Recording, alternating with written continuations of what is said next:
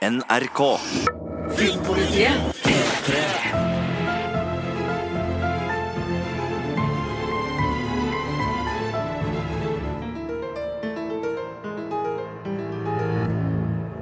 Velkommen til Westworld-podden. Podkasten for deg som elsker Westworld, og som tåler å høre spoilere og elsker å diskutere om alt som har skjedd, og om alle fanteoriene som florerer på det store internett. Eh, Marte Hedenstad heter jeg. Med meg har jeg min makker Sigurd Vik. Hallo, hallo. Og ukas gjest i dag er ingen ringere enn Dr. Jones! Doktoren er i huset! Er det noen som er syke? Jeg kan hjelpe dem. Den faste P3-lytter vil, vil jo kjenne igjen stemmen din, eh, Jonas. Ja. Eh, Jonas Jeremiassen Tomter, for de som eh, vil vite ditt virkelige navn. Uff, ja, det er jo Jeg liker ikke tanken på at noen vet hva jeg heter. Så skal vi liksom referere liksom til deg som Dr. Jones i dag, nei, nei, Jonas går bra. Jonas går Jonas går bra. Ja. Ja, men det er fint. Eh, Jonas, eh, hva er ditt forhold til Westworld, da? Nei, jeg ser øh, ganske sånn Jeg pleier å spare opp så jeg har tre episoder. Ja, eh, og så setter jeg meg veldig til rette.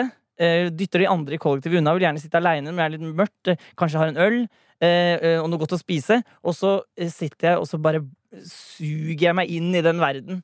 Og er, eh, altså det, jeg syns det er helt fantastisk. Altså det, det er noe av den Jeg tror det er den TV-serien som gjør at jeg eh, på en måte virkelig må liksom Jeg må følge med, men jeg føler også.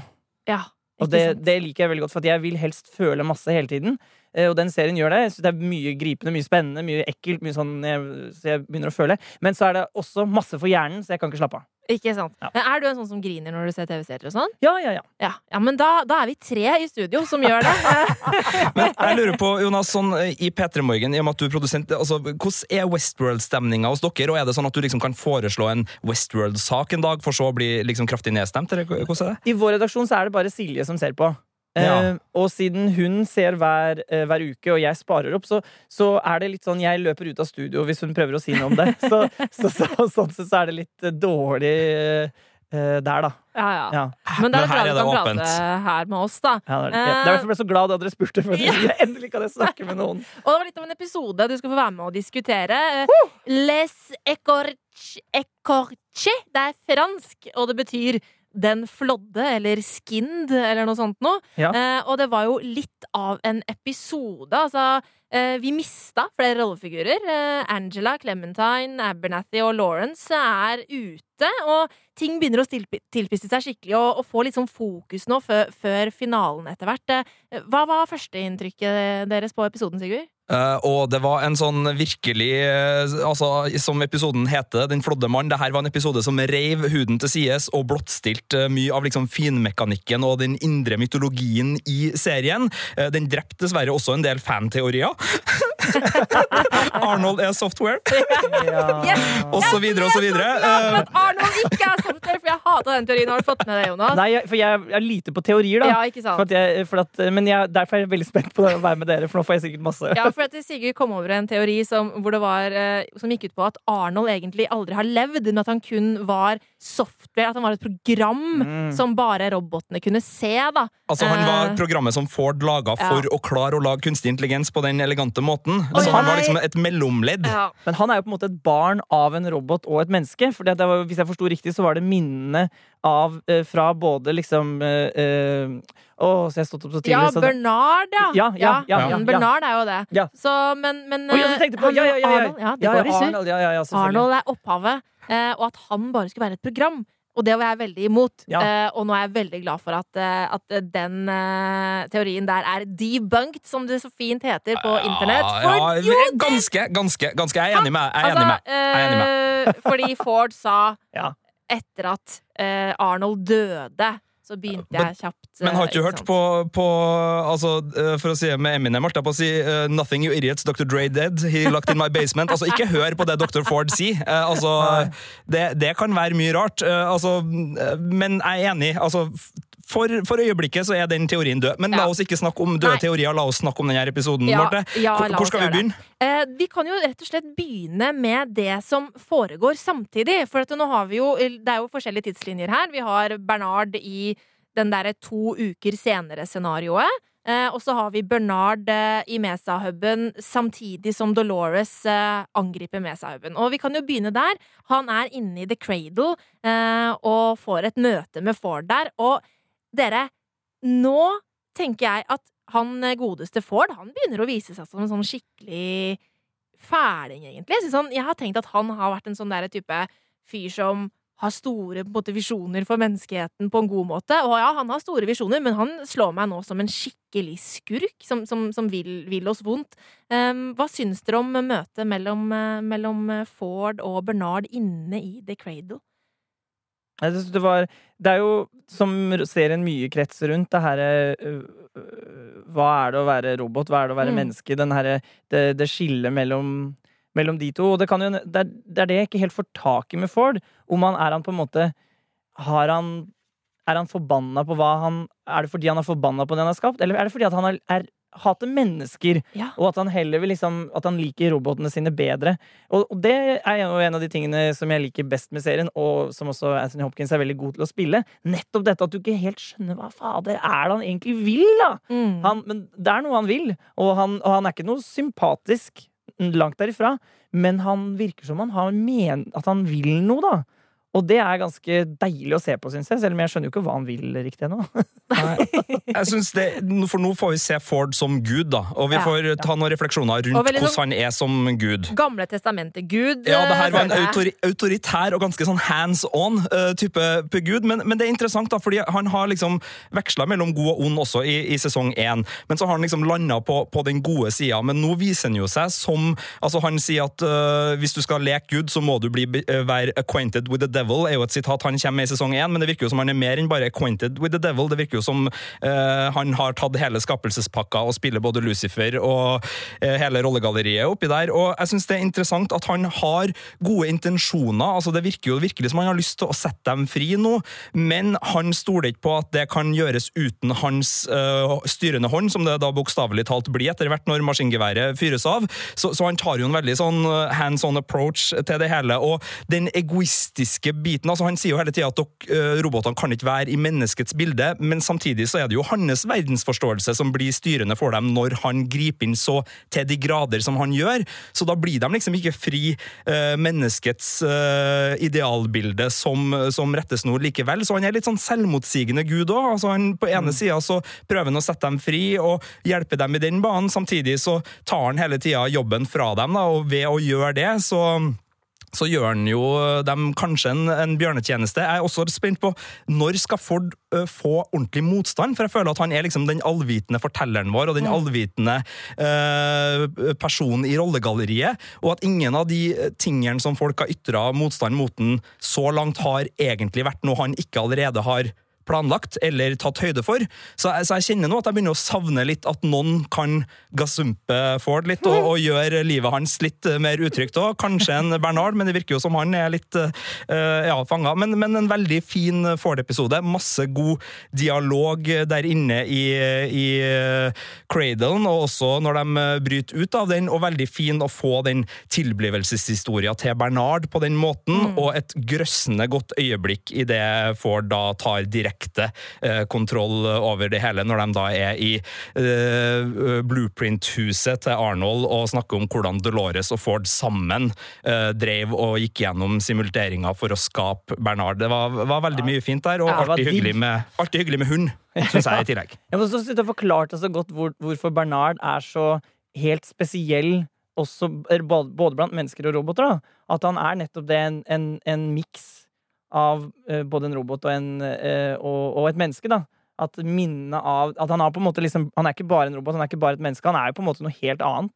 Ja, altså Det er jo litt spesielt det der med at eh, hans personlighet er skapt ut ifra minnene som Ford og Dolores har om Arnold. Eh, fordi at de hadde ikke Arnold sin bevissthet, og derfor på en måte prøvde de å bygge opp den på nytt på et vis gjennom sånn som de kjente den. Ja. Eh, og det er en sånn eh, litt sånn rar tanke å gjøre, tenker jeg, sånn fra Ford sin side. For han, han er lei seg for at kompisen sin har daua, liksom. Og så skal han skape en ny kompis. Og så bare sånn, men ikke for kompisen sin del, for at han er jo død, Ja, ja, men sånn for sin egen del. For at han vil gjerne ha sin liksom følgesvenn fortsatt med seg. Så det er litt sånn derre et sånn merkelig tankespinn eh, å, å begynne, begynne på det. Eh, men, så, men så ser vi jo også da Han forklarer jo også veldig sånn inngående egentlig om hva Delos også har holdt på med, og hvorfor de har eh, samlet inn data, og hvorfor de har liksom kjørt eh, alle rollefigurene i hermetegn inne i Westworld på loop. Eh, for å liksom samle informasjon og for å se hvordan mennesker fungerer, sånn at de kan ja, etterligne det. Altså, Å skape evig liv. ja, det, For jeg skrev, skrev sånn boks eh, Midt i episoden så skrev jeg en sånn svær boks og skrev 'Evig liv'. skrev Jeg der. jeg føler det er det som er For det, det, det er så fiffig gjort av eh, disse serieskaperne. Den, han, eh, han som var inne i skapet Nei, det der huset Han han som banner så fælt og drikker. Han som de ikke klarte å Han som, han som ble brent. han for et par- fire episoder tilbake. Altså, han som var inne i den leiligheten som uh, uh, han, han, han går i loop hele tiden, og så kommer han inn gir oi, han oi, oi, ja, Mr. Delos. Altså Ja, Mr. eh, Delos. sjefen sjøl. Ja, det sorry, jeg er så dårlig på navn. Jeg- jeg burde skrevet men den det, for- det er ikke så lett. At han eh, eh, Det var jo det de prøvde der. Prøvde å Mm. gjenskape han, og det går ikke. Så, det, så, så da endelig skjønte jeg hvorfor det. For det var jo nesten en helt egen episode Mm. eh, bare med det, og det var kult å liksom få den og det liker jeg også hvordan Westworld gjør det. At de bare De lager den, og så får du se det, og så får, kan du skjønne etterpå at 'Å ja, fader, det var det det var det det betydde'. Eh, Nei, jeg likte veldig godt, Bare for å ta det med, med Delos. Altså, det, vi fikk en sånn uh, trinnvis forklaring der først så ble det omtalt som et vendepunkt for menneskeheten. Uh, så ble det sagt at parken er et testkammer, Mm. der vertene er the controls. Uh, feil oversatt til norsk for dem som så med norsk teksting, men uh, det sies da i teksten så er det at vertene er the controls, som gjør at man kan da prøve å skape en digital versjon av det analoge menneskesinnet. Altså det siste trinnet, det siste analoge som finnes. Vi har fått vinylen over på MP3, eh, men nå er det da snakk om å få menneskesinnet, det kognitive menneskesinnet, og hvordan driftene i menneskesinnet fungerer. Altså å dekode menneskeheten er det siste som, som sies der på hva liksom, prosjektet her er. Og det er nok ikke det eneste prosjektet Delos har, for de har nok en, en, eh, fremdeles ett lag der som er skjult for oss, og som vi skal komme tilbake til i fanteoribiten, på, på hva det siste trinnet med hva de profitterer, og hvordan de profitterer på det her. Men, men det er jo veldig interessant at vi fikk den avsløringa på hva det er som har foregått, og at parken da er på en måte flippa på hodet, og at grunnen til at det har vært 30 år med like narrative strukturer, er for å nettopp da dekode menneskene som har besøkt det. Men så sier han jo også noe veldig fint, Ford, med at når de har klart å få ned det her greia i hodet til Peter Abernathy, så er det som om en åndssvak gutt nynner en melodi som noen andre har komponert. Så det er jo tydelig at selv om de har lyktes med noe, så har de ikke lyktes med, med den komplette forståelsen som Ford da fremdeles besitter over hvordan det her egentlig fungerer. Eh, og så eh, er han jo klar over at han ikke kan eh, få en egen kropp, fordi at, altså en egen klone av seg selv, for at det vil ikke fungere sånn som Mr. Delos eh, ble jo ødelagt av, eh, av det, og klarte ikke laste opp hjernen. It does not compute når, eh, når eh, menneskesinn og, og host kommer sammen. Foreløpig er det Eh, bare på minidisk-stadiet. Foreløpig bare på minidisk-stadiet, faktisk. Eh, og da, eh, men da lurer jeg litt på eh, hvordan Men han fungerer jo helt tydelig da inne i den samme uniten som Bernard har i hodet sitt, da. Ja, men Der er han en igle. altså Der er Ja. han uh, kobla på. altså Det er ikke Mm. han som er i kroppen og som trenger å øh, få kroppen til å funke. Der er han liksom ekstra software. Ja. Mens uh, når man prøver å koble en kropp, og kanskje da genetisk den samme kroppen som, uh, som de har hatt, sånn som i James Delos i tilfelle, med et sinn, og at de skal liksom bli ett, så uh, er det liksom nyrer som frastøter seg kroppen. altså der, det, er der det, det er der det skjærer seg. Så i hvert fall sånn som jeg tolker det, så funker det for øh, Bernard, som er skapt som en kunstig intelligens fra starten av, med minnene til Arnold. altså Han er ikke Arnold, han er en versjon som er, som er bygd fra grunnen av. Og det funker for Ford å leache seg på med sin bevissthet, øh, men øh, det funker ikke å sette den krystallkula til Ford inn i en Ford-kropp. Og selv om jeg syns det virker litt rart. Men eh, så kommer han jo til store fanteorier da videre på, på hvordan det her kan funke med noen sitt sinn inn i andre sin kropp, og eventuelt hvordan Dolores og de andre, om de kan bytte kropper og fungere like fint uten sin egen kropp. Eh, så der har man jo noen, noen spennende tanker. Men det virker som at regelen er at uh, det ikke går med uh, et menneske som har blitt laga om til ei rød kule og plassert inn i sin egen kropp, det er der det glitcher og skjærer seg, og det er der ting frastøter fremdeles. Og han klarer å ta kontroll over Bernard og tvinge Bernard til å gjøre ting som han overhodet ikke vil. Eh, og, og tar jo da virkelig fra han den frie viljen helt fullstendig tidvis. Eh, det det syns jeg var litt sånn der fælt å se på. Ja. Jeg ble litt sånn Det var ubehagelig. Ja, for at det, endelig så Man føler liksom at selv om man, man så, har sett i noen episoder at eh, det er noe gærent med Bernard, absolutt, han funker ikke helt optimalt, og han virker jo forvirra, desillusjonert, men, men samtidig så har det virka som han er i hvert fall Han har i hvert fall vært bevisst seg sjøl, han vet hva han selv er. Mm. Mens nå var det tilbake igjen til å være sånn kua, sånn som han var i slutten av sesong én. Som er sånn der, Å, han er så sympatisk, han som spiller han også. Så det, man blir sånn «Ei, Stakkars Bernard!» Stakkars Bernard, ja. Men der, derfor så håper jeg også at han Det blir noe revenge en eller annen gang, da. Jeg Ja. følte at Ford var som et slags virus inni, inni hjernen hans. Ja, han Ja, og samtidig, når Ford slapp uh, Cradlen, så forsvant jo viruset, eller det, det, ble plutselig det systemet rett igjen. Så det er tydelig Ja, at han har drevet og holdt eh, hvert viruset i den maskina. Ja, ikke det var det var jo det, det vi regna med, at han var inni, inni The Cradle og, og tok ting i Ja, sine ja, det egne dere, hender. det har dere skjønt. Ja, det har vi skjønt. Ok, det har, Da har jeg vært for dum. Det har ikke jeg fått med meg. Og det, vi skjønte det først når de visste oss, eh, egentlig. ja. Okay, ja. Sånn, eh, Ja, det vi, at han var har i The Cradle. snakket- Vi har jo snakka om at uh, vi har trodd at han har vært lasta opp et sted, eller at uh, han har lasta opp bevisstheten sin. Det, det har vi jo snakka om. Og at vi trodde den kula var Ford. Ja. Ikke sant? Eh, sånn at eh, Riktig, riktig. Men eh, ja.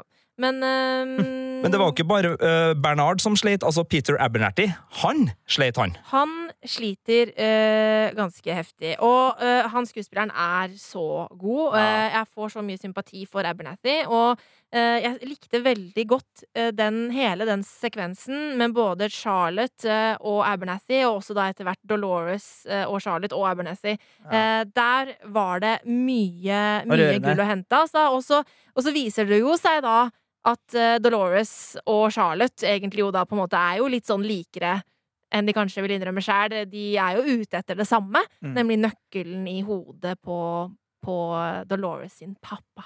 ja. Det var en vond scene. Ja, og når hun gråt og, og det, det, det virker jo Dolores som ser skjønnheten her i verden, det er det, og hun har noe inni der ennå som fremdeles har lyst til å se det fine og det gode.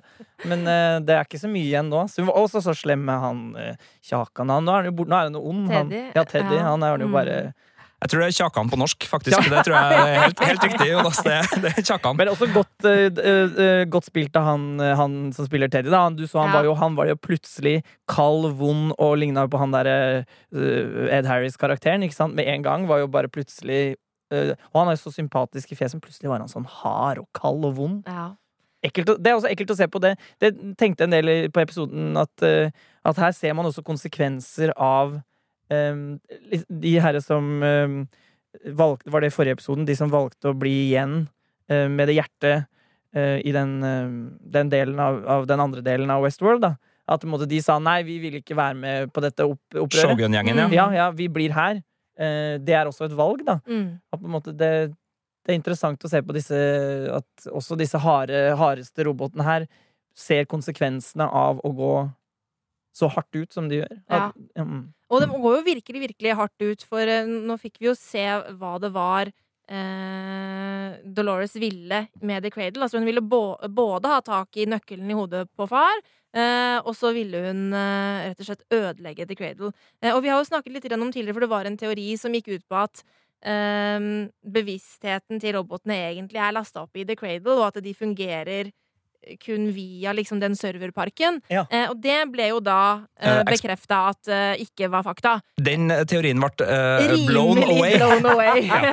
Så de fungerer fint uten, uten serverparken og sin, sine backup-filer, men, altså, Men nå hvis kan de de- får et skudd i hodet nå, da er det over og ut. ja, da altså. dør de. Mm. For da forsvinner Ja, for da, da hadde jeg skjønt det Eller, riktig. riktig. ja, eller uh, Altså, de hvis, kan, hvis hvis de blir ballen skutt i hodet, hodet, Hvis ja. ballen i hodet blir ødelagt, da er det slutt. Men de kan det- fremdeles uh, gjenopplive hverandre, tror jeg. Eller uh, altså, hvis kroppen blir skada, så Ja. kan de nok fremdeles eh, berge seg ved å fikse seg. Ja, ja, så lenge kula men, eh, ikke er ødelagt. eh, Nei, og, og så lurer jeg også på at hvis en eh, Jeg lurer på hvordan den der eh, bevisstheten deres om det å bli død fungerer. Fordi eh, smerte er jo bare et program, det vet vi jo. Pain is just a program. Mm. Men hvis, de, hvis de blir liksom truffet sånn at de tror de er døde, og så kan de jo bli brakt til live, men altså hvis de ikke blir brakt til live, blir de bare liggende der til evig og alltid. Ja, det vil jeg tro. Eh, Ja, for det, det, men den åpna noen nye muligheter for, for hvordan det her skal fungere. Da. Men eh, veldig fint at eh, lenkene er sletta, og at døden nå er en greie. fordi Mm. eh, Det tror jeg også er nøkkelen til selvbevissthet, for uten døden Ja. Og det her har jeg hørt på flere podkaster folk har snakka om, at det å vite at du skal dø, er en essensiell del av det å være et levende vesen. Og for at robotene da kanskje skal ta nye skritt i sin selvbevissthet, så er den vissheten om at livet deres kan ta slutt, og at det er endelig, og at de eh, er klar over det, være en nøkkel videre for dem da, eh, i sin egen opplevelse av jeget og cellet Ja, og, og alt det der. Og så syns jeg det er ganske fint, eh, selv om jeg, altså, når jeg syns Dolores begynner å ha litt vel heftige metoder og hele den pakka der, men jeg syns det er en ganske sånn fin idé det hun har, at hun ønsker å løsrive seg fra hele den greia der, fordi at med backupen, med muligheten til å på en måte starte på nytt, og, til å, så, så, og folk som kan kontrollere deres liksom eh, eh, ut, utgangspunkt nummer uno, liksom, Mm. så, så, så er de jo ikke 100 fri. Altså, de kan alltid liksom kjøres tilbake til den første programvaren sin. Um, sånn at det, hun både ødelegger The Cradle for å bli 100 fri, men jeg tror også at hun på en måte eh, gjør det sånn, fordi det du sier, da, at det, du har jo ikke et ekte liv på en måte før det kan mm, avsluttes. Nei, pluss at hun frarøver alle andre muligheten til å lenke dem fast igjen. Ja, mm. Fordi uten den backupen så kan ikke Delos øh, øh, sette dem i gang på nytt igjen. Ja. Så, så hun både avslutter for å få den uh, biten for seg sjøl, men også for å hindre Delos i å bruke vertene til verken en hær, eller i hvert fall de her vertene, da, til, til en hær eller noe som helst, eller lenke dem på nytt igjen. For Ja. det blir jo sånn personlige vendetta-forhold, f.eks. mellom Charlotte og, og Dolores nå. Og da er det jo litt godt å vite at Charlotte ikke kan liksom ende opp med å uh, ha en reboota versjon Mm. av Dolores som hun kan plage i kjelleren i, i 20 år. Sånn type Game of Thrones, at eh, Cersei liksom har sine fiender locked in a dungeon, hvor hun går ned og torturerer dem litt sånn på fritiden. Oh, når hun trenger. Cersei plutselig kom, da!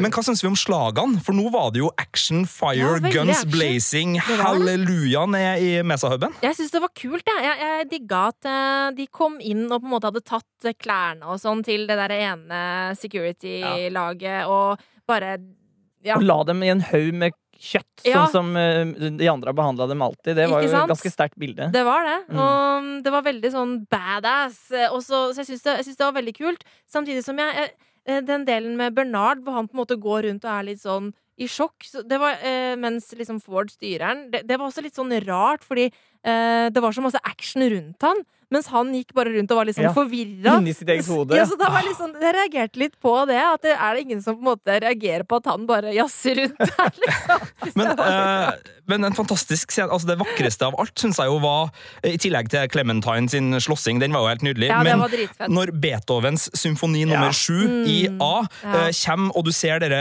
eh, neonrøde silhuettlandskapet omtrent, mens Ford forteller om brannen på biblioteket i Alexandria da, da det brente ned, og Ja, det, det var stilig. eh, viljen til å sette en fyrstikk til sitt eget skaperverk, eller til eh, noe man har laga, og bare se det brenne. Det var jo litt sånn The Joker, Batman-aktig, men Some People Just Wanna See The World Burn. Mm. Eh, men det var også noe, noe mer sofistikert i det, og som uh, kling, kling godt sammen med, med resten av serien. Men, men som actionsekvens så var det noe av det mest kule jeg har sett i Westworld så langt. Altså, det var en skikkelig fet, fet slåsskamp. Det var, det var operaaktig, opera, det. Men nå tror du Anthony Hopkins har kommet tilbake igjen for å gjøre den scenen bare for å få seg en Emmy-nominasjon til? At, at de sa sånn Vi skriver noe jævlig fett til deg, eh, Hopkins. Kom her nå. Kom, kom, kom. kom, kom. Ja. Han har, har han ikke sagt egentlig at han ikke skulle gjøre noe mer? Han skulle bare gjøre sesong én. Ja, Men jeg leste det et sted at mulig det. Det så- jeg ikke. Så jeg ble så, jeg, når jeg så ham på rulleteksten, så sa de sånn «Wii!» For jeg, jeg kan sitte og høre på han snakke om, eh, om branner og, og, og eh, sette fyr på sitt eget skaperverk i timevis. Det blir aldri deg.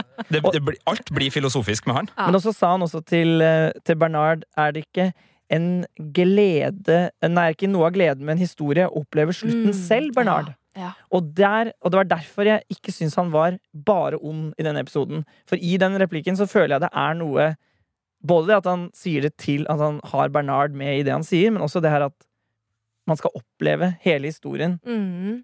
For å sette pris på slutten. Ja. Og det er jo litt linka opp til det dere snakka om døden, litt opp til det han snakker om med på en måte å starte, eller starte prosjektet sitt på nytt, eller avslutte det, eller hva han nå driver med. Mm. Ja. Eh, Kan jeg komme inn med en eh, fanteori og en liten sånn eh, bit som går akkurat på det? Okay. Som egentlig foregrep litt, fordi vi, på slutten så får vi vite at det som Charlotte og gjengen søker etter, er i sektor 16, sone 4.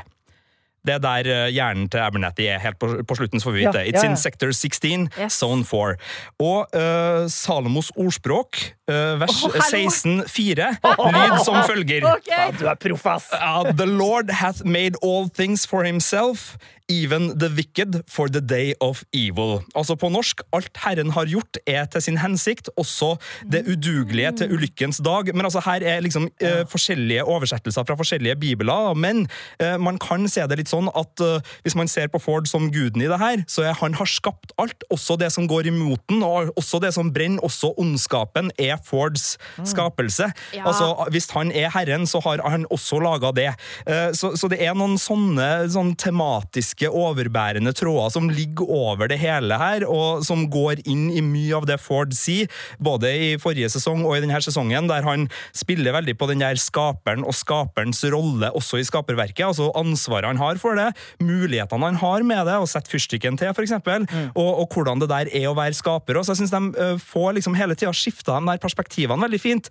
Skifta perspektivene mellom hvem er parken for, verter eller gjester. Skifta perspektiver hvem er skaperverket for, de som blir skapt, eller skaperen. Altså det, det er hele tida den der dualiteten som ligger i det. Veldig sånn finvevd og veldig elegante ting. da. Nå er ikke sikkert at det var det bibelverset de mente når de sa eh, sektor 16, sone 4, men, Men det det var da fint. veldig så passende det skulle være da, eh, å, å komme opp til likevel. Så, så det er, som du sier, Jonas, det er den der um, Fords det, det er så mangefasettert og så, så, så elegant og svært, det han driver og snakker om. Og jeg tror også han har veldig gode intensjoner, men han har bestemt seg for å ta det en vei som uh, enten er fordi han vet at brutaliteten kreves for å få gjort det, eller fordi han vet at ondskap må til for at altså det må være mørke for at det skal bli lys. altså, på en jeg måte. Tror, altså, all, jeg tror ikke vel, altså, Veldig mange onde folk i fortellinger er jo eh, sett i, De er onde sett i de godes øyne, mens i sine egne øyne så gjør de jo bare det de mener er best. Eh, og det, det tror jeg også Ford gjør her, men han snakker jo veldig ofte om hvor på en måte grusom menneskeheten er, Ja. hvor brutale de er, eh, og, og alt mulig sånn. Sånn at jeg får litt grann sånn inntrykk av at han det er Ford som er på en måte Hal uh, fra 2001 Romodyssea her. Det er han som på en måte tenker at uh, altså menneskene kanskje må utslettes for å på en måte få fullført sitt prosjekt. Um, og at jeg, jeg tror han tenker at det er robotene som skal ta over fordi det er det beste, fordi at de er en bedre versjon av De er en ny og bedre art, da. Det tenker jeg òg, men samtidig så må han liksom styre Bernard for at han skal bli fri. nå. ja. Så det, det er der det liksom, så jeg tror også at det er hensikten hans, men at han øh, Og det er der jeg sliter litt med at han mener at dem skal bli For han snakker jo, han snakker jo faktisk om The Door i denne episoden, det- som er tittelen på sesongen, og sier at øh, hvis jeg bare slapp deg fri nå, Bernard, din originale skapning, din vakre skapning, så ville du ha bare rundet ut i mørket i møte med Delos og, og hva de kommer til å bruke deg til. Med mindre vi finner Vi får åpna døra. Eh, men det virker jo som at øh, han er opptatt av at mennesket ikke skal være idealet for de her robotene, men at de skal være sin egen skapning og finne ut av hvordan de ønsker å være sjøl. Men det strider jo veldig imot måten han da overgriper og innprenter sin egen personlighet på ting og tang hele tida, og måten han da griper konkret inn og, og styrer Bernard. Men jeg, igjen, jeg tror det her er Han, han har et endemål her på andre sida, men jeg vet ikke om jeg er enig i at uh, metodene hans er uh, uten Altså, de kan være kritikkverdige. Ja, jeg, jeg er litt kritikkverdig. Enig i det. Um, Men også en som jeg også syns har litt sånn kritikkverdige metoder, det er jo Dolores. Eh, eh, Og det som jeg syns var veldig interessant med denne episoden, er at hun Du ser jo veldig tydelig at hun elsker faren sin når hun må drepe han. Og de får jo et sånt farvel, og han forstår jo hva som skjer. Han, de tar jo farvel med hverandre. Eh, Men i scenen etterpå, hvor hun møter Mave, så Mm. sier hun jo til Mave at uh, et eller annet The kin they gave you uh, is just another thing to hold you back, eller et eller annet sånt der. Ja. At liksom så, så det syns jeg da strider så innmari imot. Men hun hadde jo klart å kutte båndene sine endelig. Hun har skåret ut hjernen til faren, hun har Ja. ødelagt Teddy. Så det er tydelig at Ja, hun er villig til å gjøre det. Men ikke sant, selv om hun elsker dem Ja, Så- så, hun gjør det ja, nå. mm. øh, mens Mave er fremdeles øh, på den loopen. ja, Eh, ikke loopen. Eh, Mave er fremdeles på at det båndet er noe hun Ja. kjenner så sterkt at hun har ikke lyst til å gi slipp på det. ja. Eh, Men det der har kanskje Dolores da gått over i eh, Og siden det er henne vi på en måte er jo henne vi, Inngangen vår til serien er jo henne. Mm. Så den reisen hun går på, er jo uh, den som kanskje har gått lengst. Hun er på en måte Ikke bare er hun Nå tenker hun selv og er selv, men hun er på en måte Hun er jo akkurat sånn som vi mennesker er, Uh, inkonsekvente. Du kan jo elske noen og Mm. vet, vite at det er feil, Ja. og allikevel kunne ta et valg. Altså Hun gjør jo på en måte Hun har jo nå tatt et valg for alles, alle roboters vegne, da, egentlig. har hun jo Ja. gjort Vil du ofre ett liv for hundre? Ja. Altså, hun, hun tar det umulige valget Ja. eh, og, og lever i det. Og Så kan vi jo diskutere om hun er fri eller ikke, for det virker jo fremdeles som at Ford har eh, Absolutt. planlagt eh, veldig mye her. Ja. Inkludert sin escape fra uh, Altså, det er ikke tilfeldig at Ford kom seg Ut akkurat før Angela sprenger seg sjæl. Nei, nei, nei. Så um, Mista vi mista vi Filmpolitiet! Sigurd. Sigurd! I all verden. Filmpolitiet Does that sound good to you? På P3. Ok, folkens, det var et lite innblikk. Litt som episodetittelen Les Ecorches, altså Den flådde mann. Her er Den flådde radio, eh, der man hører hva som skjer når en mikrofon eh, slutter å eh, virke. Okay. Men skal vi snakke om Mave, eller? Ja, la oss snakke om Mave. Ja. jeg har hatt litt trøbbel med Mave-datter-delen. For jeg, jeg syns det er litt sånn ulogisk at hun har et så sterkt bånd til dattera når hun veit at hun jo ikke er den ekte dattera. Men jeg likte veldig godt eh, eh, hvordan det utspilte seg eh, nå, altså. Hva, hva syns dere om hele denne sekvensen med med Man in Black eh, og flashback til eh, tidligere opplevelser og, og hele, hele den greia der. Nei, det er jo Jeg er enig, jeg har også hatt litt problemer med hele det. For at sin hun har jo, i tillegg til å øh, uh, hun, hun har jo også så mye krefter inni seg. Mm. Hun har jo skrudd opp det systemet, så hun har jo liksom sånn allvitende. Så det er rart at ikke det går utover Men det er kanskje en idé om at kjærlighet er At hos henne så har det blitt sterkere. At måte, det er da kanskje noe som ikke er Ja, for kjærligheten er jo ikke logisk, ikke sant? Nei. Det er noe med det. At hun har Mm. kanskje blitt så avansert at hun er faktisk ikke At det, det systemet hennes som, eh, som programmerer kjærlighet, er sånn som vi mennesker programmerer kjærlighet. mm. Ikke, det går ikke an å, det går ikke an å legge, lage nuller og enere av det. Nei, sant. Og da synes jeg det var eh, Men det var også det at hun tok jo da dattera si fra en annen mor som Ja. elsker henne. Ja. Og det var jo også Da var jeg også i sofaen litt sånn Det syns jeg var eh, Ja, men hva gjør du nå, da? Men eh, Men hva syns dere om møtet med Ja. Mave og, Man in Black igjen, da, Sigurd? Um, jeg har flere problemer, har problemer, med det, ja. det, men okay. akkur akkurat selve møtet var for så vidt uh, elegant nok løst, og det, det hva er fungerte. problemet? Hva er problemet? Altså for det første så er Mave elendig til å skyte. Hun skyter tre ganger uh, og er treffer én gang i armen. Altså point Ja. blank, Hun er en superrobot. Hun skyter på et mål som er to meter unna seg. En, en mann hun hater inderlig av hele sitt vesen, Mm. og så klarer hun bare å treffe den så vidt det er i armen. Eh, når hun liksom er cool og kald og, og rolig. Så der er et problem. Jeg syns det er et kjempeproblem at Hector og Armistice bare aldri dukker opp i den sekvensen i det hele tatt. Ja. Eh, Hvor er de? jeg synes det er kjemperart at det der må foregå i slow motion hver jævla gang vi skal se et eller annet som er følelsesmessig belastende for uh, Mave, tydeligvis. Igjen da, når Ghost Nation kommer inn for å ta dattera, så skrur vi ned bildehastigheten ganske kraftig, så det syns jeg var litt kleint. De har så tynt og flagrende hår. Vet du, fint, Ja, ja, ja. Men, men alt det uh, Du hørtes litt sånn sinna ut. ja, nei, nei, men til tross for alt det, så, så liker jeg jo det. Og jeg syns storyen funker. Og, og jeg syns uh, hele den sekvensen, det oppgjøret Lawrence og Mave har med Man in Black utpå der, Ja. uh, fungerer veldig godt. Så er det jo nå Nå fikk vel Man in Black fikk fire kuler i seg. Én i hver arm, én i foten og én i magen. Og Mave endte vel opp med tre til fem kuler. Litt vanskelig å telle akkurat den sekvensen, men det var ganske rikelig der. Så uh, vi får se hvordan det ender opp med dem. Men samtidig så tror ikke jeg på de sluttene helt, for at jeg vet at uh, Eller jeg, jeg tror jeg vet at Man in Black må tas igjen av Emily, uh, så jeg tror ikke han dør.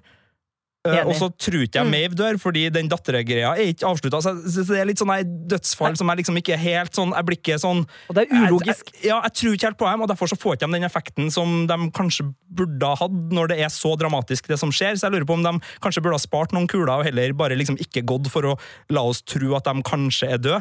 Ja, Men så kan det jo hende at de faktisk er døde, og at alt jeg sier nå bare er eh, masse tull. Og i så fall så beklager jeg. Ja. Jeg syns det er falsk eh, og litt uh, Jeg er jo ikke død.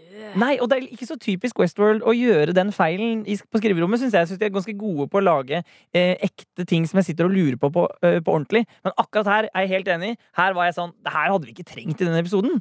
Vi hadde så mye annet gull. Mm. Det der møtet mellom dem, det skulle vi fått til på et annet tidspunkt. Ja, og jeg, jeg syns også at det kanskje kunne kommet Jeg skjønner jo at de, ønsket at Mave og Dolores skulle møtes, og at Ja. derfor måtte det skje før. Men jeg syns det hadde vært kanskje bedre om det hadde skjedd etterpå. Så kunne de heller møttes et annet sted. Fordi, eh, i hvert fall sånn som det ser ut nå, nå vet jo ikke hvordan historien går videre, men, men Lawrence dør før The Cradle blir ødelagt. Som vi får, altså, Ja. Før vi får se at The Cradle blir ødelagt.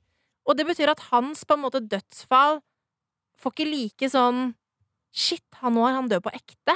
Og det synes jeg er litt sånn synd, fordi han var en veldig kul figur, da. Mm. Så nå på en måte bare dør, og så får, skjønner man ikke før etterpå at herregud, han er død på ekte. Så jeg synes det var litt sånn trist. Ja. Um, men så er det jo andre kule ting med den uh, uh, scenen og hele den sekvensen der mellom uh, Mave og Man in Black. For at uh, Sigurd og jeg vi har snakka en del om Man in Black er eh, en host. ja. Eh, Tror dere det? ja, jeg begynner å tro det mer og mer. Eh, og tror at kanskje hele dette spillet hans som han må gå gjennom, er for å på en måte kanskje At han er et, at han er et menneskesinn i en host uten at han vet det sjæl. Og så må han liksom gjennom dette spillet og gjennom døra, da. For å på en måte sånn, sånn at han ikke skal bli ødelagt, sånn som Mr. Delos. Ja. Eh, og, grunn, og jeg syns kanskje at han fikk jo veldig mange kuler i kroppen sin her nå. Fire. Ja, det er ganske mye. Ja, men uh, han- tre, tre var ikke midt i, da. Jo, men altså, han, Det var bare ei i altså magen. Et menneske vil hadde Altså I hvert fall så gammel han er. Ja, et Gammel, fyr. så gammel fyr hadde jo falt om tidligere. Han bare fortsatte jo, og det syns jeg tyder på på en veldig lik måte som robotene har fortsatt når de har fått kuler i seg. Ja, Så jeg- jeg syns dette her eh, understreker nok en gang disse hintene om at han er en, en robot, altså. Jeg er enig med deg der, samtidig så mener jeg at det Ford sa om hvorfor Delos ikke funka, eh, gjør at jeg tror mindre på det, fordi at da kan egentlig ikke eh, den røde kula og kroppen være liksom fra samme fyr. Uh, hvis det er sånn at det fremdeles ikke ville ha funka for Ford en gang. Jo, jo, At han altså, sier at hvis jeg skulle ha putta mitt hode i min kropp, i en klonekropp, så ville det ha skåret seg i løpet av dager, sånn Ja. som James Delos. Så hvordan skal da eh, William få det til? sånn, ja.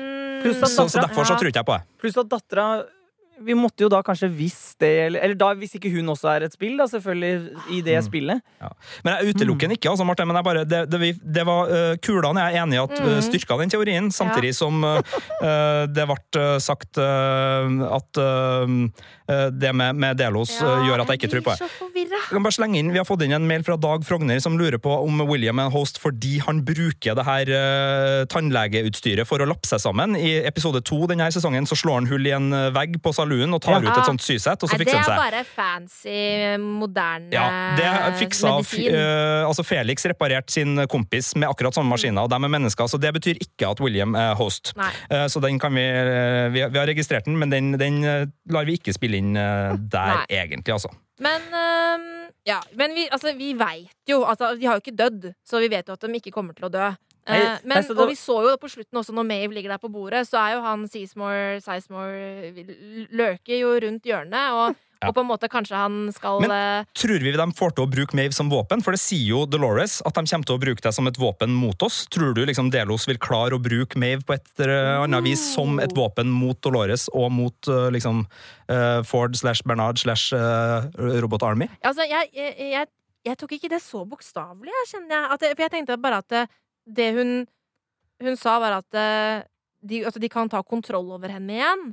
Uh, men det tror jeg ikke de kommer til å helt klare. Eller jo, de tok jo litt kontroll. De har ikke backup å bruke, i hvert fall nå, så da må de ha andre metoder. Og hun, ja, mm, det blir Ja. spennende å finne ut. Men, Men- ja, ja, kan jeg, jeg ha et spørsmål? ja, ja, ja. For Jeg lurer på, Var det i starten av episoden, eller sånn, så var det fra liksom The Valley Beyond eh, Mm. den vannet Det lå masse døde kropper. Ja. Det var Teddy som lå i det vannet? Det Sannsynligvis. tror man. Ja. Det gjør Skal, skal jeg komme med den store teorien nå? For den vi- går på det der. Ja, men skal vi ta bare nåtid først? Ah, ok, da. Ok, da. Altså, Ok, for, da. Bare for å bli ferdig med recapen, liksom. Eh, vi eh, har jo eh, Ja, vi har vært igjennom alle tingene. Vi har vært igjennom alle tingene utenom Eh, Skjelettene i skapet til Bernard. Skjelettene i skapet til Bernard. Oh, ja, det var skummelt. Eh, og jeg, nå blir jeg jo mer og mer forvirra, for at nå som disse to Bernard-tidslinjene er på samme sted omtrent, så er det jo litt sånn vanskelig å, å skjønne hva som er når, men det er jo hver gang han er sammen med Charlotte, så er det jo i den der to uker senere-type greia. Og der må jo Ford også være, uten at vi har sett den fram til nå. Yes! Og det er jo noe som gjør at For vi har jo sett at han er så uhimla forvirra hele tiden, Bernard. Ja. Og det kan jo være fordi at han har jo en stemme i hodet sitt, kanskje, da, som forteller han hva han skal gjøre, og ulike ting, uten at vi har sett det før. Ja. Um, Så det er ikke sikkert det er Bernard som gjør alle disse slemme tingene. At det er også får der inne som Eh, Ja, eller de slemme tingene Bernard, gjort, Bernard har gjort som han husker mens han er sammen med Elsie, er det jo Bernard som har gjort før eh, alt igjen. Ja, ja, ja, ja, ja. Eh, sannsynligvis, med mindre han husker i framtida også, men det tror ikke han gjør. Selv om hukommelsen hans er jo ikke Ja. lineær. Men jeg tror ikke han kan huske framover i tid. Nei. Nei. Eh, Eh, så, men, men i hvert fall alle de der rare space out-øyeblikkene han har hatt eh, mens han har drevet og gått på stranda og rundt omkring, det har vært med Ford. Og samtidig Yes. så forklarer jo det når han sier 'det var jeg som drepte alle sammen her', uh, sier han med litt sånn der uh, tvilende stemme, så er jo det sannsynligvis for at han eh, Det var vel ikke han, han, men Ford, han. mm, ikke sant? Muligens da som har fylt opp vannet og Han, han. syn, syndefloden. Han, han! Ford, han! Ja. Han, hun, ski, han han, hun, ski, vann, ski, han. Ja. Nei, men jeg tenker jo at det her er en syndeflod, hvis man tar gudperspektivet til Ford, da, som Ja. er, er designa av Ford her nå, eh, via Bernard Sender, og når han sier 'det var jeg som drepte dem her', så er det en måte å si det på. Men kan vi bare ta et lite øyeblikk eh, Ja. angående det skapet? Fordi eh, måten Ford må ha bygd opp denne parken på, med alle disse hemmelige rommene og sånn, han er jo ikke noen murer sjøl, eh, det syns jeg er fascinerende. fordi det er en massemorder som het H.H. Holmes, som holdt på i USA etter Jack the Ripper i Illinois og rundt The World Fair i Chicago. Uh, skrevet i bok om det. The Devil in the White City. Kommer film med, Leonardo DiCaprio om det òg. Og han hadde et sånt morderhotell der han uh, hadde liksom alle muligheter med hemmelige rom og sånn for å drepe kvinnelige gjester i alskens uh, massemordermåter. Og, og måten han har bygd opp det på, var at ingen visste Altså, han sparka folk hele tida, han hyra inn folk hele tida. Ingen snekkere visste egentlig hva de drev og bygde på, og ingen fikk liksom se alt. Og Det virker som Ford har holdt på litt sånn nå med å bygge opp parken. At han har liksom drevet og øh, hatt masse ulike team som har jobba sånn at Delos vet heller ikke hvordan det der egentlig ser ut. At han har drevet liksom hatt øh, ulike team som har gjort ulike ting og hele tida styra på. Så jeg fikk litt sånn vibba der da på, på det geniale og litt sånn skumle med Ford, som er liksom the puppet master. Også uh, arkitektonisk, i, fysisk, i parken. Og jeg liker sånne forklaringer Sigurd, som gjør at eh, for, for jeg bor i et kollektiv med eh, en som er veldig sånn petimeter, og sånn ja, men det er ulogisk. Men jeg liker folk som kan, som kan ta det andre veien, som det du gjorde nå, og si sånn ja, men det er mulig. Fordi det er jo bare Det er jo en kjempegod idé. Du får lyst til å gjøre skumle ting selv. Og bare nå har jeg sett noen som lager et hus som ingen kan vet, vet hvordan er. Håper jeg ikke satt øh, tanker i hodet på noen nå, men, men sjekk ut The Devil in the White City, dere som øh, er nysgjerrig der. Men Ja. øhm, Ganske ekkelt å se alle de Bernardene der, og, Ja. og man begynner å tenke liksom, hvor mye fælt har skjedd. Ja, for de var så skada! Mm. Det var jo en, en som hodet kløyva i to omtrent. Uh, ja, og stakkars Bernard som på en måte må se alle sine døde kropper. Veldig spesielt. Og Men så tror ble han selvfølgelig avslørt, da. Men tror dere at dette er disse de versjonene Ford har laga som ikke funka? Uh, og så har de på en måte liksom så den, den vi ser nå, er den som Der satt den, liksom? Nei, jeg tror at uh, dette her har vært Bernard-kropper som har vært ute i parken og, og vært på farten, Ja. og som har vært utsatt for ting. Hva tror du, Sigurd? Jeg òg tror vel noe sånt, øh, Ja. men øh, det, jeg kjenner at det, det var ikke der teoriene ble trigga for Nei. meg. Den, jeg har helt andre, Ja. Hodet mitt gikk i helt andre Ja retninger enn på, på de der.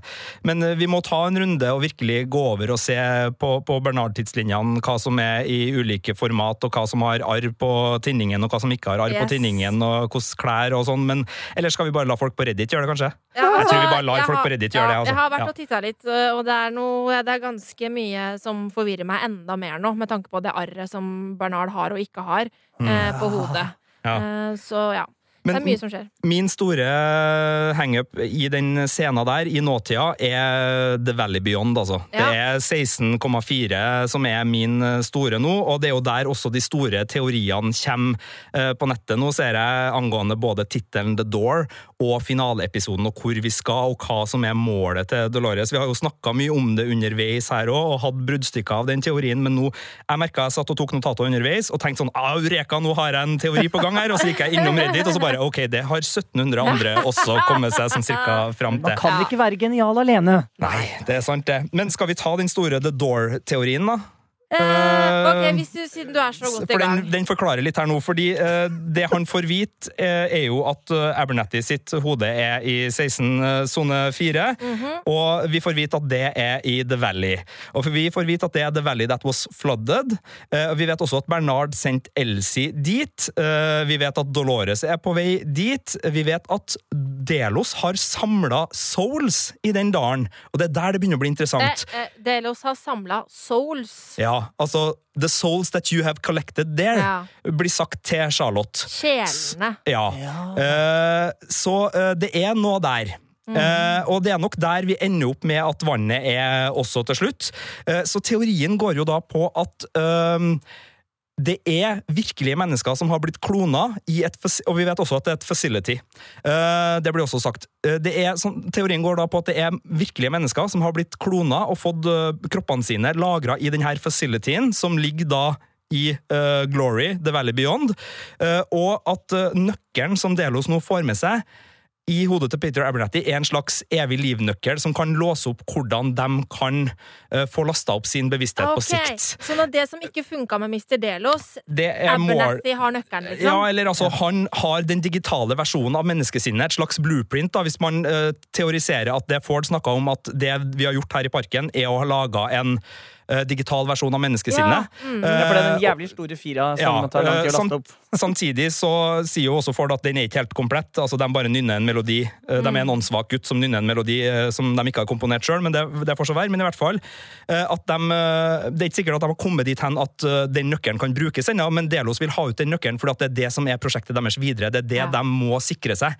Så kan resten bare brenne, men de kan ikke miste den informasjonen. Så da er det en haug med masse rike folk som ligger og venter på at, som er daue, som venter på at de skal kunne bli virkelige mennesker. Og det er dem Dolores vil låse inn sine folk i, sånn at de kan bli fri, gå gjennom the door og ut i den virkelige verden. I andres kropper. Og så legger de igjen sine egne kropper i det her vannet som syndefloden skrues på. Og der har uh, Ford slash Bernard fiksa alt. da, sånn at uh, Så uh, de kommer for seint, rett og slett, da, muligens til 16,4, eller se- sektor 16, sone 4. Fordi det er godt mulig at den nøkkelen ligger igjen der, og at den faktisk er der fysisk i nåtid. Men det kan jo se ut til at Dolores og gjengen har allerede rukket å bruke den, komme kommet seg sjøl inn i andre menneskekropper og gått ut i den virkelige verden gjennom uh, The Door. Uh, men det er bare en teori. Det er en veldig spennende teori, og i så fall så betyr jo det at neste sesong av Westworld vil foregå kanskje i den virkelige verden. Men en, en liten flaw in the plan til Dolores da, er jo at Delos vet jo hvilke mennesker de har hatt på boks. Altså, de, de har jo, Jeg regner med at de har et sånt slags uh, Ja. uh, liten, liten sånn Oversikt. over, over hvem de la på is. veldig, godt, uh, veldig godt poeng. Uh, veldig godt poeng. Og det, det er mange, mange skjær i sjøen her, det er ikke sikkert. Men det, det var den, liksom, den der umiddelbare sånn aha-teorien som jeg så. Og det var, jeg hadde ikke utvikla den helt dit, altså, men jeg bare begynte å Jeg merka meg at det ble liksom sagt at de hadde samla the souls you have gathered there, eller et eller annet, sier liksom Dolores til Charlotte, og så var det liksom Facility og alle sammen The Valley. Ja, ja, Og, så, så det var bare sånn, ok, nå ble det veldig mye her, hva, hva kan liksom ligge i det, og, og samtidig, hva kan den nøkkelen som er liksom uh, inni Abernathy brukes til?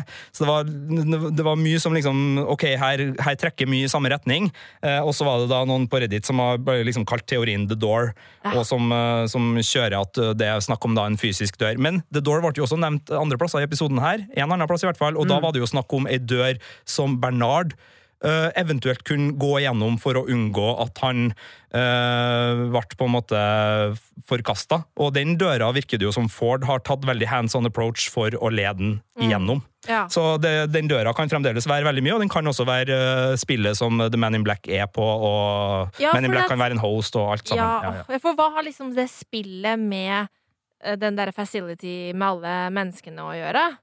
Det lurer jeg på. Altså, Hva er det Ford vil med William? Det syns jeg er så vanskelig å, å, å forstå. kan Ja. jo være at han ser på William som en uh, motstander det er viktig å eh, få på an, altså holde eh, underhold på annet vis, sånn at han Ja. ikke liksom For han er jo egentlig en del av Delos på alle vis. Han, han er jo the man uh, bak Delos, egentlig. Og det at uh, Charlotte og hennes soldater holder på på egen hånd uten William sin støtte, er jo en fordel for Ford.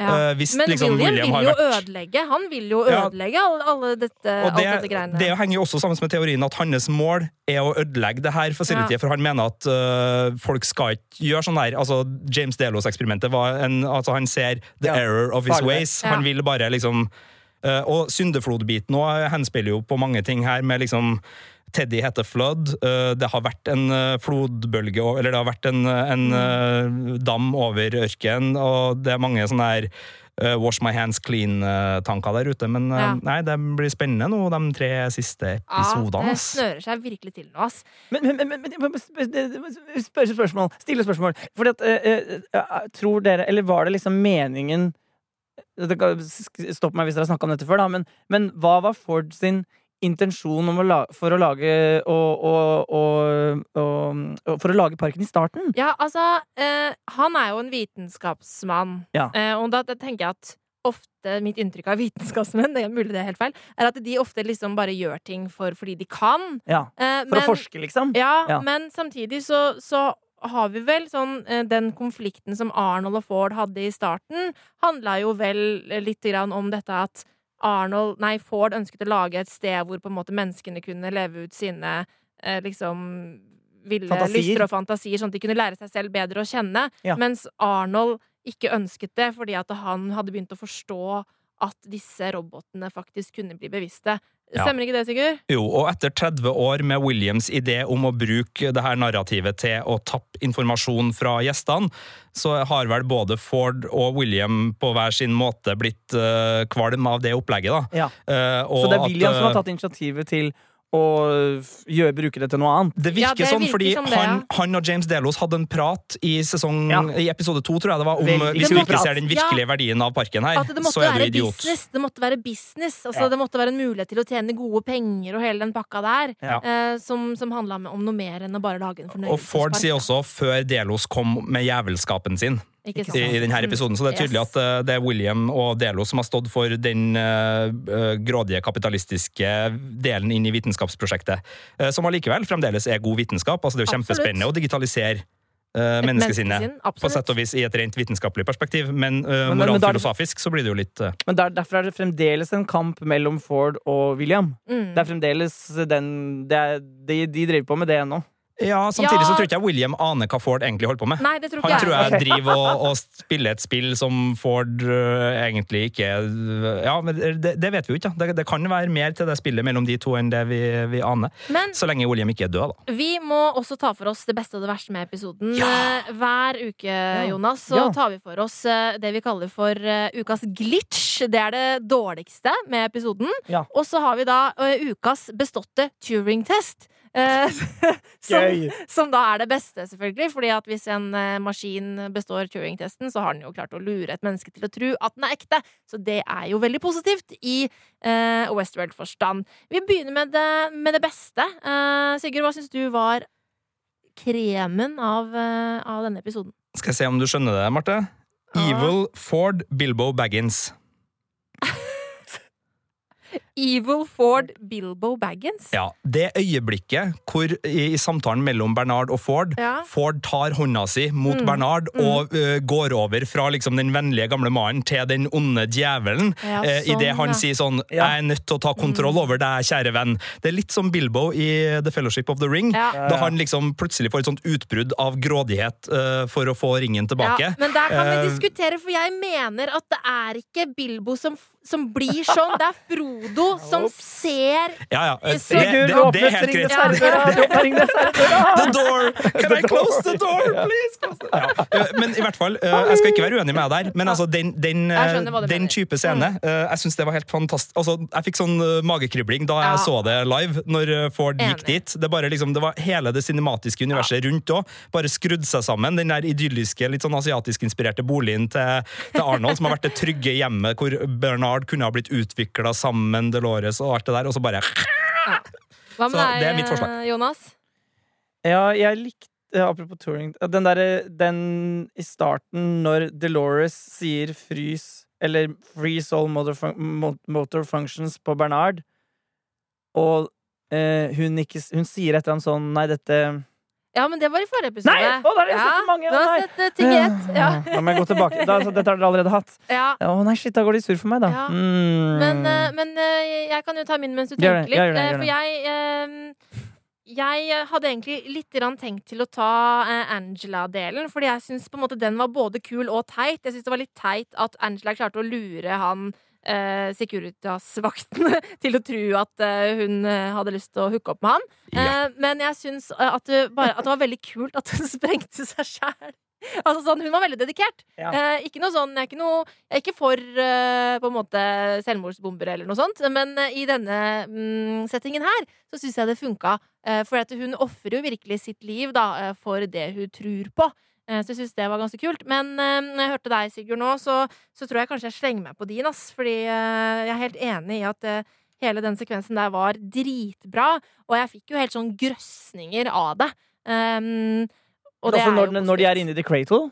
Altså inni, eller inni hjernen til Ja, når Ja. du på en måte Ford tar kontroll, egentlig. Mm. Ja, men jeg kan, eh, vet du hva, jeg blir med på det, fordi, men da kan jeg ta et spesielt øyeblikk. Nå håper jeg er riktig episode, da, men Ja. når, når, eh, plutselig Ford sitter der og spiller piano, og jeg skjønner at vi kommer til å få flere eh, set, vise setninger som jeg må sitte og tenke på etterpå, da ble jeg, da ble jeg sånn barnslig glad. Da visste jeg at liksom Ja, ja, ja, episode sju, ja. Mm, nå, skal det, nå bygger vi oss opp mot slutten her. Da, det, det var en veldig deilig sånn dere vet når, det, når man får en sånn følelse når man ser på en, eh, noe man har investert tid i, at man casher inn, liksom. Ja, jeg er veldig enig. Når jeg, jeg ble så glad når jeg så at det var en gammel Ford som satt der, og ikke Ja. en ung Ford. Ja. Eh, altså at, det, at vi var liksom sånn Å ja, det er, det er han fyren vi har opplevd alt sammen med, som skal ta oss med videre. Ikke? Og ikke en liksom versjon eller en backup av han. eller et eller annet. Nei, det var, det var en veldig tilfredsstillende følelse. Og jeg er helt enig med deg, Jonas. Eh, sitatene fra Ford er uh, verdt kinobilletten alene, holdt jeg på å si. Så eh, ukas beståtte Turing-test går rett og slett til Ford i denne episoden her.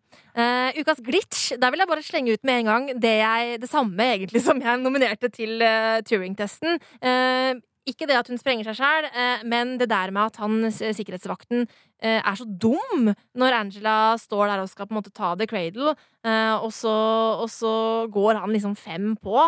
eh, og tror at hun skal hooke opp med han, og at ja, nå skal vi sexe. Det, det syns jeg var teit. Så Men det var min, mitt forslag. Men, men samtidig så viser det jo da bare hvor basic eh, Altså, hun Det viser jo men, tror, Hvis han hadde skutt henne, tror du ikke hun hadde klart å bombe allikevel? da? Jo, men jeg bare, jeg bare syns han var så jævla dum, liksom. ja, ja, ja. Så det synes jeg var litt han, han så rimelig dum ut. Ja. Den, den er også på, på min eh, liste, eh, men det var ikke den som endte opp helt på topp. Men jeg vurderte den, men det er nettopp fordi at Angela er så kul i den Ja, scenen at eh, hun på en måte veier opp for, for hans idioti. Men Ja. jeg er helt enig, det var, det var flere sånne litt sånn merkelige uh, situasjoner der. Men, uh, men det funka nå også veldig fint at han tilfeldigvis hadde ei bombe rett attmed smekken. Det er jo artig. Uh, Alle som hører på her, hold bombene unna underlivet. Det kan skaffe store problemer. Eh, Mitt eh, forslag er egentlig noe som jeg vanligvis syns er ganske artig, men akkurat i den settingen her så syns jeg det glitcha, eh, bokstavelig talt. Det var one-lineren til Elsie da hun snakker om at Ja. eh, når jeg er ferdig her, så skal jeg begynne på tannlegestudiet igjen. det var sånn her uh, John McClain, Die Hard-type replikk. Det var bare en sånn her ja, det var sånn 80-talls actionkomedie-one-liner. Hun er jo litt sånn eh, one line action. Ja, jeg vet. Så, så, så egentlig så liker jeg det, men samtidig, der og da så bare tenkte jeg nei, nei, nei, kom igjen, da. Dere er ikke denne serien, liksom. Det, det, var, liksom, det kom helt ut av eh, men, men kanskje det ikke gjorde det. Kanskje det var bare jeg som eh, akkurat da var veldig grepet av at det var en intens episode. Men det var jeg enig, i jeg tenkte fall også litt sånn Det var teit. ja, for det, det, eh, det fungerte i hvert fall ikke sånn som det var tilsikta, for jeg fikk ikke comic relief der. For jeg var ikke interessert i noe comic relief der. Jeg var liksom, det, det er kjempespennende nå, det er kjempeinteressant, det er så mye filosofisk tankegods som bombarderes mot meg. Jeg må liksom bruke hele CPU-en min for å klare å henge med her nå. Og så slenger jeg inn en vits. Ja, det var teit. Da ble jeg litt sånn, ja, Så, så tannlegevitsen er mitt eh, forslag, sjøl om det ikke er noe stort problem. Og, og som sagt, vanligvis noe jeg kunne ha satt pris på. Men der ble det et comic relief for, mye, for min Westworld-smak. altså. Jeg, jeg syns det var artig, men jeg kan bli med på dere hvis Jeg syns det vi snakka om tidligere i dag, altså den, den Jeg syns de skulle spart på Mave og Ja, Uh, Ja. jeg, da, da ble jeg sånn skurra litt. Ja, det var sånn, jeg har ikke tid til dette nå, jeg var i så mye annet. Ja, jeg er enig. Egentlig. Ja. At, eh, jeg, jeg skulle ønske vi kunne ha spart uh, den showdown mellom Mave og Man in Black til at den hadde virkelig fått, uh, fått det høydepunktstatusen som den Enig. egentlig har bygd opp til. At synes... den kom litt sånn midt inni det nå. Ja, det ble litt sånn der malplassert. Ja, for Manusforfatterne er så utrolig gode på å male i riktig tempo. De tar seg tid. Som jeg synes er en, Det er en sånn eh, Det er så digg, for det er så få serier som gjør det. Uh, til og med en actionserie så kan du liksom bruke lang tid. Mens Mm. der var det sånn Ei! Men det var jo ikke ennå! Så det Ja. jeg nominerer jeg som glitch. Ja, jeg stemmer for den. Ja. Sigurd, hva stemmer du for? Jeg støtter Jonas 100% og så syns jeg det å male i riktig tempo var et veldig fint eh, uttrykk. Så oh, Men kan det jeg si, fint. Ja. kan, apropos det, kan jeg bare si, for jeg, jeg leste mer om tittelen, eller liksom hva det betyr. Eh, og jeg, mange av de tingene vi har snakket om, er, liksom innpå den beskrivelsen som jeg fant. Skal jeg bare lese hva det var? Ja. Altså, jeg nå klarer jeg ikke å si det franske ordet, da, men det betyr altså en figur som er tegnet, malt, eller en skulptur som er laget. Den, virker, den viser musklene på kroppen uten hud. Ja. Normalt en fullfigur. Um, eh, og den skal brukes til noe annet, eller er som en øvelse for en student. Ja, ikke sant? For at det er et, en kropp uten skinn, så Ja. man skal se hvordan det fungerer, liksom. Ja, og at den er til en student, og at det er noen som skal lære av det. Mm, Og, Spennende. og det tenker jeg alle de tingene vi har snakket om. Vi vet ikke hvem som skal lære Hvem er hva. studenten? Ja, nettopp! Så det, det, det ble jeg mer det, Jeg le, tenkte å lese noe, så ble jeg sånn Hæ, det syns jeg ikke helt. Men når jeg hørte på dere to smartinger snakke nå, så ble det sånn Aha, jeg skjønner. Du sparte indrefileten, eh, Jonas. Det liker jeg. Men bare et Game of Thrones-relatert spørsmål. Syns vi ikke Ramsay Bolton er mye mer sofistikert etter den Eh, forklaringa? Ja, han, ja, ja, ja, han Altså, ønsker jo bare å se hvordan de fungerer på innsiden. Ja. Altså, han er bare en student som, som mm. liker å se musklene. Mm. Livets student. Livets student uh, Men eh, Jonas, du slipper ikke unna, for vi, både jeg og Martha har prøvd å uttale episodetittelen. Du må prøve du også på fransk. Men jeg husker ikke hva den heter. Uh, uh, eh, eh, les eh, Ecorches? Le Cortés eh, si, Nei, det var spansk. Det er si, si. Det er, det er jo fransk. Nei, jeg, jeg skal Oui, oui, oui. Jeg skal ta det opp og så jeg skal pugge og sende det til dere neste uke. Ecorche. Den spanske flue håper jeg neste sesong heter. Eh, sånn at det både blir farse, og for det er jo så mye fluer i Westworld, og de klapper jo på dem, så, så ja. Men kan jeg Eh, stille et spørsmål til før jeg går? For det jeg lurer på, for jeg har en sånn teori om at rundt 20. episode i alle gode actionserier, så er det på en måte så er det, er det en, pleier å være en slags høydepunktepisode rundt episode 7. Stemmer det? For at da Ja, har du, liksom- det stemmer. da Sju, pi- åtte eller ni. ja, ja, for da piker det liksom ofte i åtte, og eller, eller i ni, og så er den ti litt rolig. Mm. Er det riktig analyse? Uh, Game of Thrones har ofte ni. ja. Det er liksom da de store slagepisodene er, og de store Eller åtte, er det ja. Eh, Breaking Bad har vel eh, siste sesongen, så er det vel eh, episode sju eller åtte. Det her kommer folk til å rive seg i håret over at jeg eventuelt husker feil nå, men, eh, men, men ja. Og så er det ofte fordi at serieskaperne sjøl har lyst til å regissere siste episoden. Ja. Eh, som da blir en litt sånn, ikke antiklimaks, men ofte en litt sånn eh, mer sånn pay- payoff. Ja, altså det er, ikke, det er ikke spennende som skjer, det er mer sånn her, og så skal vi fortelle deg hva vi egentlig har holdt på med, type episode. Men herregud, for en episode. Oh. Eh, det var helt fantastisk. Eh, nå må noen av oss her løpe, eh, inkludert meg. Så tusen takk for at du kom på besøk, Jonas. Det var Ja. veldig artig å snakke med, om Westworld med deg. Jeg håper at ikke Dere har jo masse nerdehyggelige fans. Så jeg håper ikke at de sitter og er irriterte nå og tenkte nei, nei, nei, han har tre episoder på rappen! Ha, ha, ha! Da blir du bare dum, så unnskyld til dere som blir irritert av det. Men jeg, eh, tre episoder på rappen, eh, det, det er gøy å se. Men jeg tror jeg hadde fått litt vondt i hodet. Ja. For Jeg så hele sesong én i helga. Du gjorde Ja. det, ja? Jeg gjorde også, jeg gjorde Ja. også det i påsken, så så jeg hele. Og det kan jeg anbefale alle, fordi det er en helt fantastisk serie å se gang nummer to. Å, det er så sant, det. Det er så mye artig å, å fange opp. For eksempel når første gangen eh, Arnold blir nevnt, og i settingen der, stikkord melk. Ja, det, det er så mye, mye fint. Men en glede å ha deg her. Jonas, skal vi bare si til alle sammen som har fanteorier, spørsmål, kritikk, ros, et eller annet, om å sende en e-post til filmpolitiet alfakrøll.nrk.no, Yes. eller eh, treffe oss på Twitter, eller et eller annet sånt. Ja, gjør det. Eh, Og eh, egentlig så er det masse mer teorier å snakke om i dag, men vi har rett og slett ikke tid. Eh, så det er masse gull her som har dukket opp i løpet av eh, dagen, eller ukas episode, men vi får ta de teoriene i neste podkast. Så høres vi igjen neste uke. These violent delights have violent ends.